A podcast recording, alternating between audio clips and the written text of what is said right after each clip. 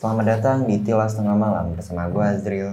Dan gue Dimas. Kali ini kita bakalan ngebawain salah satu tweet Twitter yang kita dapat. Nah, tweet ini kita dapetin dari cerita Cila atau at Cila Cerita. Jadi ceritanya ini tentang dia ngekos di dekat kampusnya dan apa aja sih yang dialamin dari kos tersebut. Kita langsung aja baca ceritanya.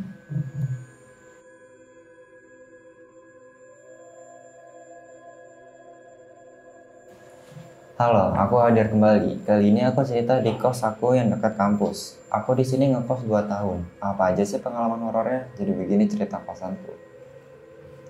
Kosan ini terletak di dalam gang sempit yang hanya bisa dilalui satu motor. Kosannya kosannya dengan dua lantai dan dua kamar mandi di luar di, di bagian lantai atas dan 8 kamar plus satu gudang di dekat tangga dan ada dapur bersama untuk lantai bawah.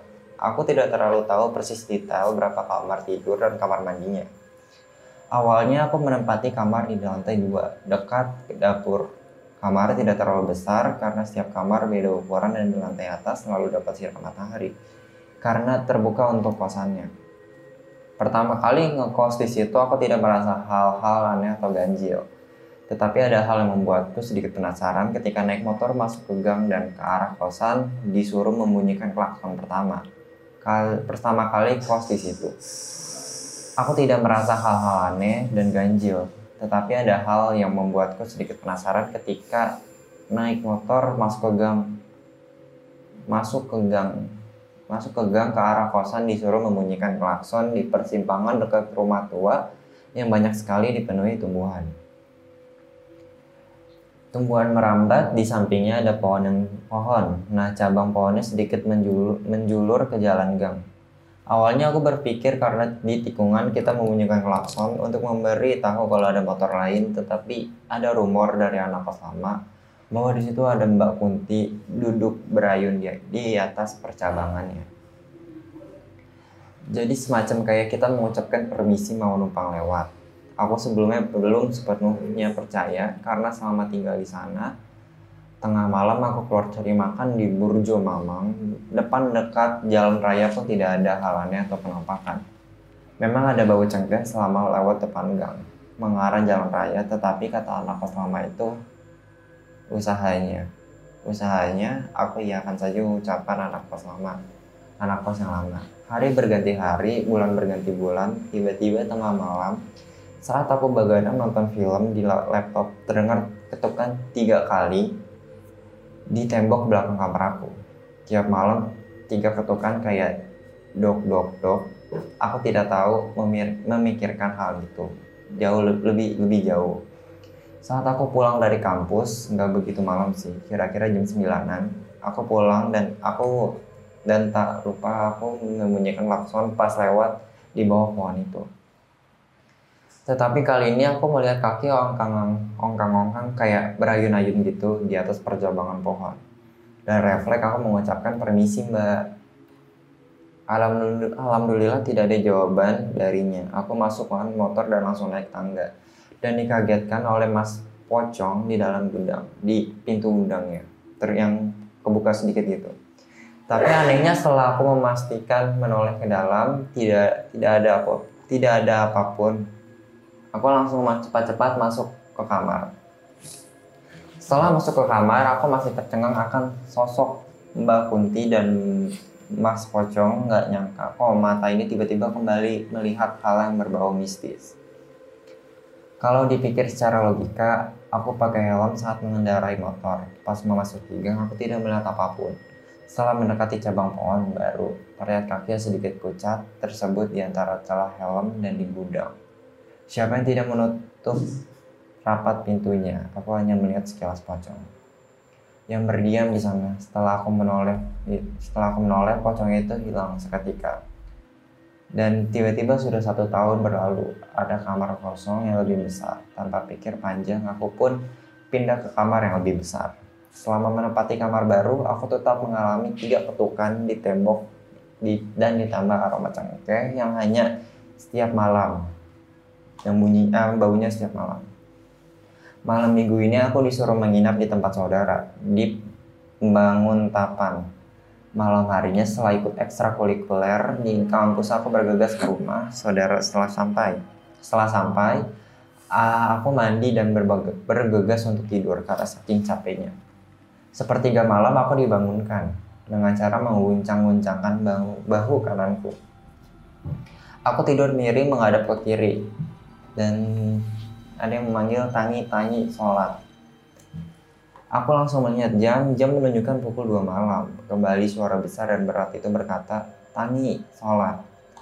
Aku menoleh ke kanan dan melihat mataku terjujuk ke sosok tersebut. Seketika aku kaget dan balik badan. Kemudian tak lama aku kembali melihatnya untuk memastikan sekali lagi dia masih ada di dekatku saat mataku melirik ke arahnya. Entah mimpi atau nyata dia kalau mimpi kok terasa nyata sekali dan dia yang dulu bilang ojo turu di kos dekat tempat lesku. Aku langsung menutup mukaku dengan bantal. Saking takutnya dan kembali tidur. Harusnya malah seneng ya dibangunin bangunin sholat.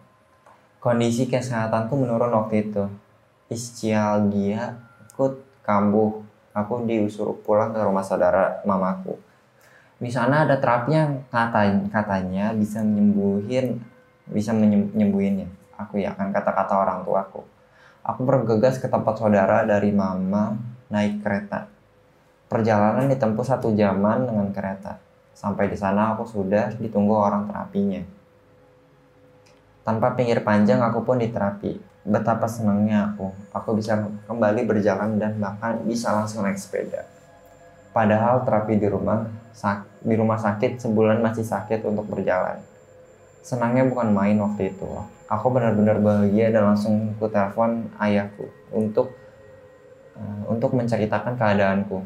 Ayahku pun bingung dan tidak senang mendengarnya.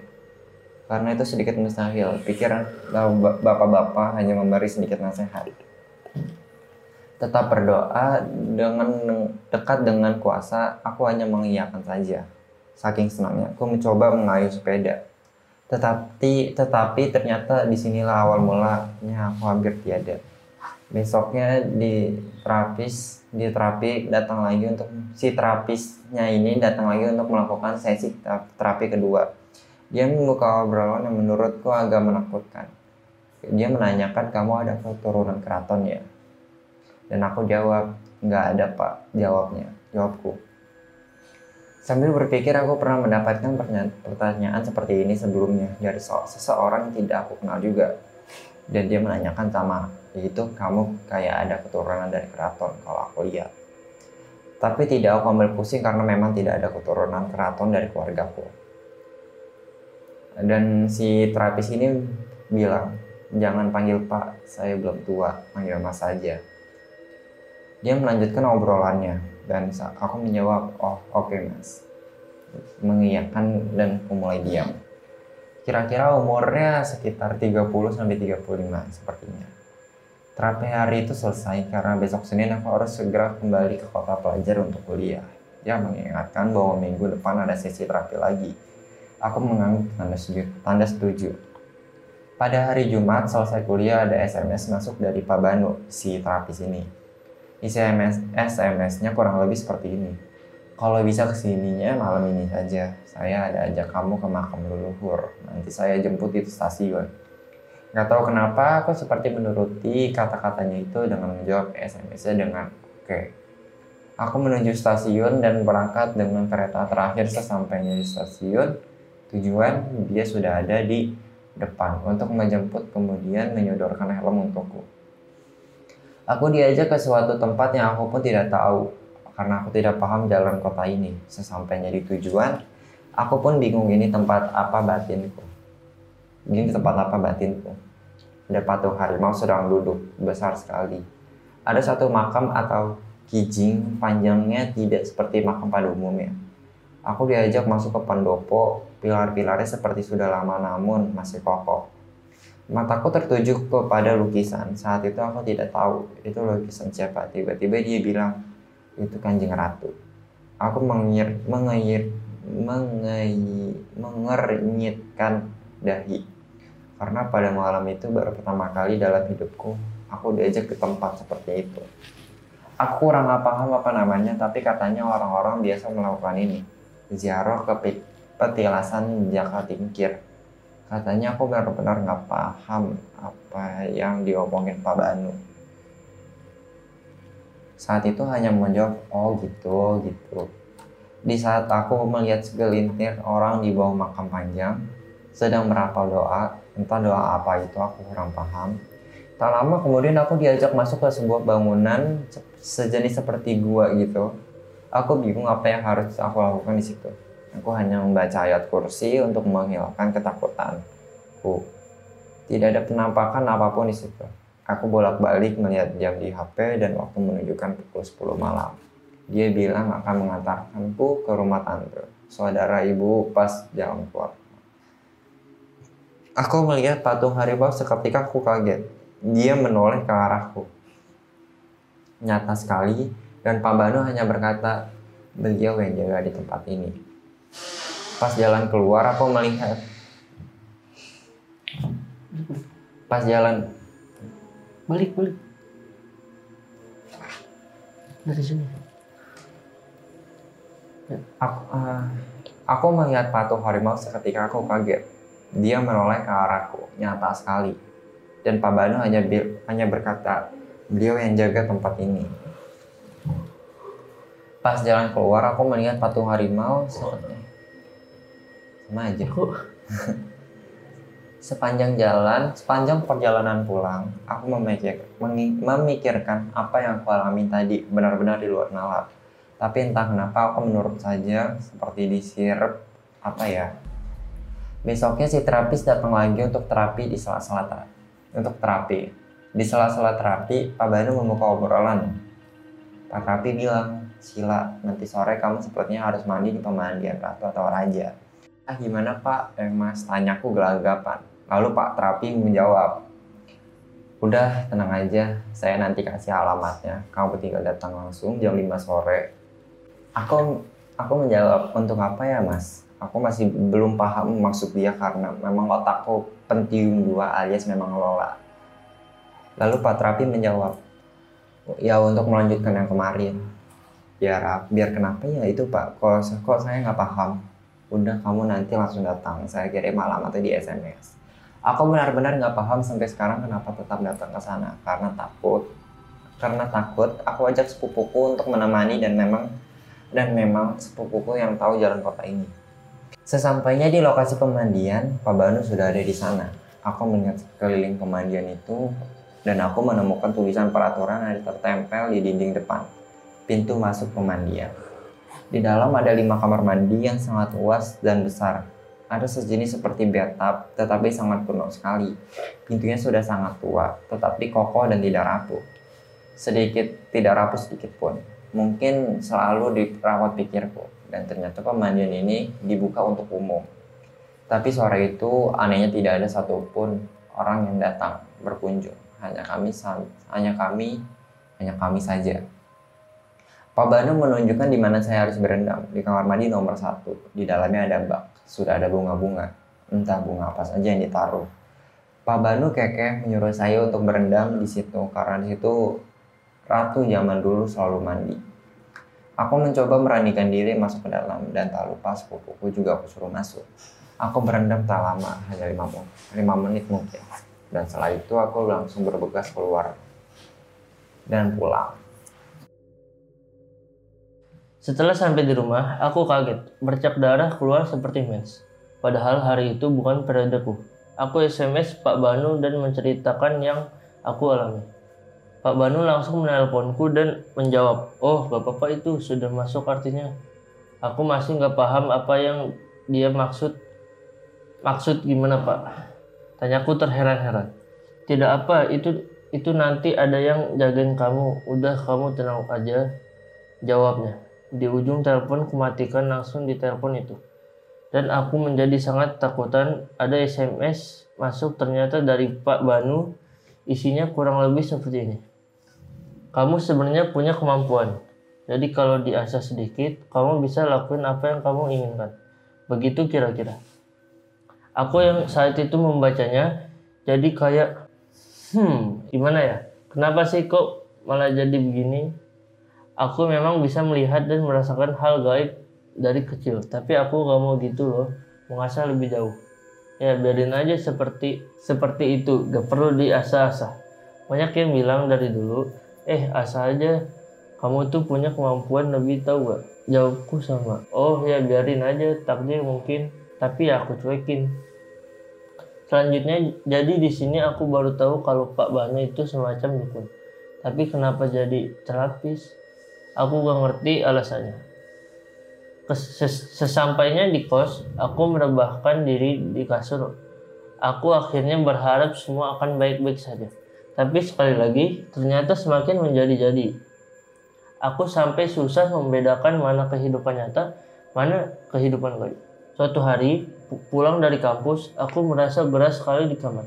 Seperti banyak orang yang berada di kamarku. Biasanya kamarku sejuk, tiba-tiba menjadi sesak. Aku SMS Pak Banu menanyakan hal tersebut, takutnya itu efek yang dulu itu. Selang beberapa menit, telepon berdering, dan ternyata dari Pak Banu. Coba kamu kasih makanan, kamu punya menyan. Itu begitu karena gak ada makanan. Aku tercengang mendengar hal itu. Maksudnya gimana sih ini pak? Tolong dibawa balik saja pak. Maaf pak, aku gak mau jawabku. Rada sedikit kesal sambil menutup teleponnya. Saat itu aku langsung masuk lagi ke kamar dan berkata, please tolong keluar sesak sempit di sini. Tiba-tiba kamar kembali sejuk. Sudah hampir dua tahun aku tinggal di kosan ini. Banyak penghuni silih berganti masuk dan pergi. Ada pula ada pula penghuni bekas kamarku dulu panggil saja Tarmi. Nama Indonesianya. Dia orang Taipei, pertukaran pelajar. Katanya hanya denganku dia akrab dan kadang belajar cara bicara bahasa Indonesia.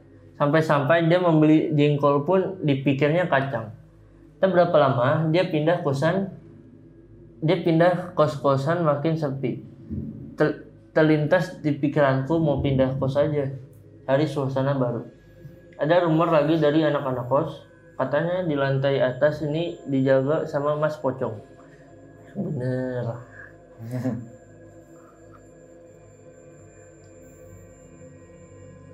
Gak usah baca, kenapa dia? Betul.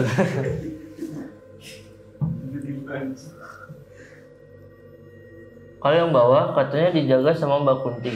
Entah benar atau tidak, aku hanya bisa mengangguk-angguk kepala sembari mengiyakan aku pun mengiyakan. Aku pun menceritakan apa yang aku alami tentang ada tentang ada Mas Pocong di gudang sama ketemu Mbak Kunti di atas pohon rumah seram itu. Ada yang sependapat denganku, anak lama karena dia mungkin pernah mengalami hal yang aku alami. Tapi dia tidak pernah cerita apa pun tentang apa yang dia alaminya. Suatu hari aku pulang larut malam, habis nonton bioskop. Sampainya di kosan jam 12 malam. Aku bersih-bersih diri habis itu masuk kamar. Sebelum tidur, aku membaca pesan di HP-ku. Tak lama aku mendengar di luar suaranya sangat berisik, kucing berantem. Aku takut Berantem. berantem.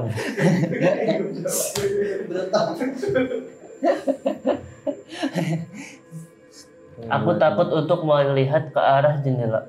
Entah dari mana terdengar suara lolongan anjing. Dan tiba-tiba aku mendengar seperti suara roda tiga anak kecil yang sedang dikayus tepat di depan kamarku. Suaranya lagi berhenti. Kemudian mengayuh lagi.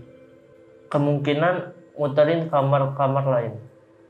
Tahu kan suara sepeda anak kecil yang roda tiga itu? Banyak berisik dan suaranya.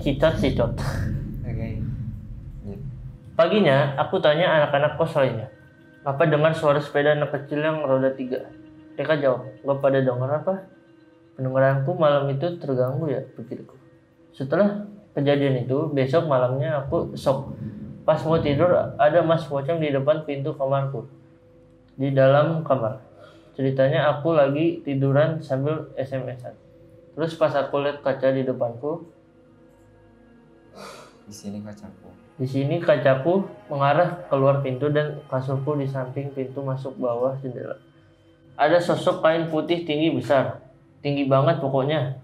Kayak yang ditayangin di film-film ciri-ciri mas pocongnya.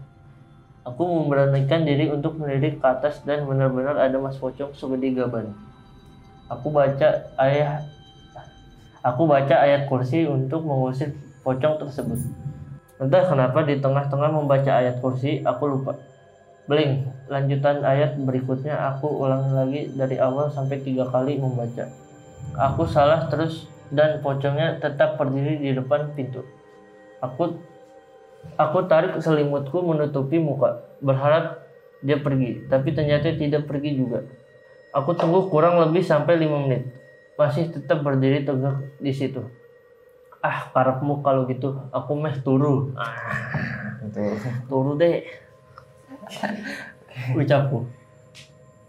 Entah kenapa pocong itu menampakkan dirinya saat aku berpikir ingin pindah dari kosan ini. Padahal selama tinggal di kos ini, pocong itu sama sekali tidak menampakkan dirinya atau bahkan sekedar menyapa. Dia ingin mengatakan jangan pergi atau malah sebenarnya dia memperingatkanku. Cerita di kos ini selesai sampai di sini. Ya. Terima kasih. Assalamualaikum warahmatullahi wabarakatuh.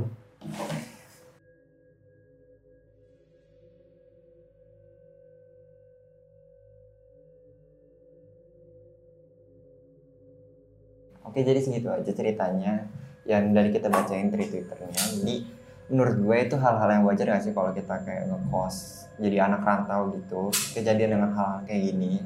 Ya, Terus yang uh, kejadian-kejadian ini udah dialamin dari uh, penghuni-penghuni kos yang sebelumnya kayak anak-anak lama gitu seperti kayak uh, pocong yang di atas pocong yang di depan di gudang di iya di gudang di gang terus sama tilanak yang duduk di pohon dekat rumah tua itu kan anak-anak sebelumnya kan juga ngalamin kan dan uh, yang paling anehnya kenapa dia yang paling digangguin? Seperti kayak ada suara anak kecil di depan pintunya terus uh, pocong yang di depan pintu kamarnya padahal hmm, sebenarnya dia mau pindah dari kos Ya, tersebut. kan mungkin dia kan katanya kata dukunnya itu ada kemampuan oh lebih. iya kemampuan Nah, untuk melihatnya atau itu ini ya iya. jadi dia ngocol kali di depan mana ngocol oh iya iya. Kan dia, Iya. dia kan nggak nggak ketakutan tuh sama sekali kan kayak cuma orang kan setan ya. Orang takutan bilangnya turu lagi. Iya tuh turu. Lu kira anak ML Oke, jadi sekian dulu untuk episode kita kali ini. Terima kasih untuk cerita Cila atau at Cila cerita di Twitter yang udah ngebolehin kita buat bacain dari Twitternya atau ceritanya. Jadi segitu aja untuk episode kita kali ini. Sampai jumpa di episode kita berikutnya. Tilas tengah malam, mereka tak terlihat, tapi Tapi- ada di sini. Bye.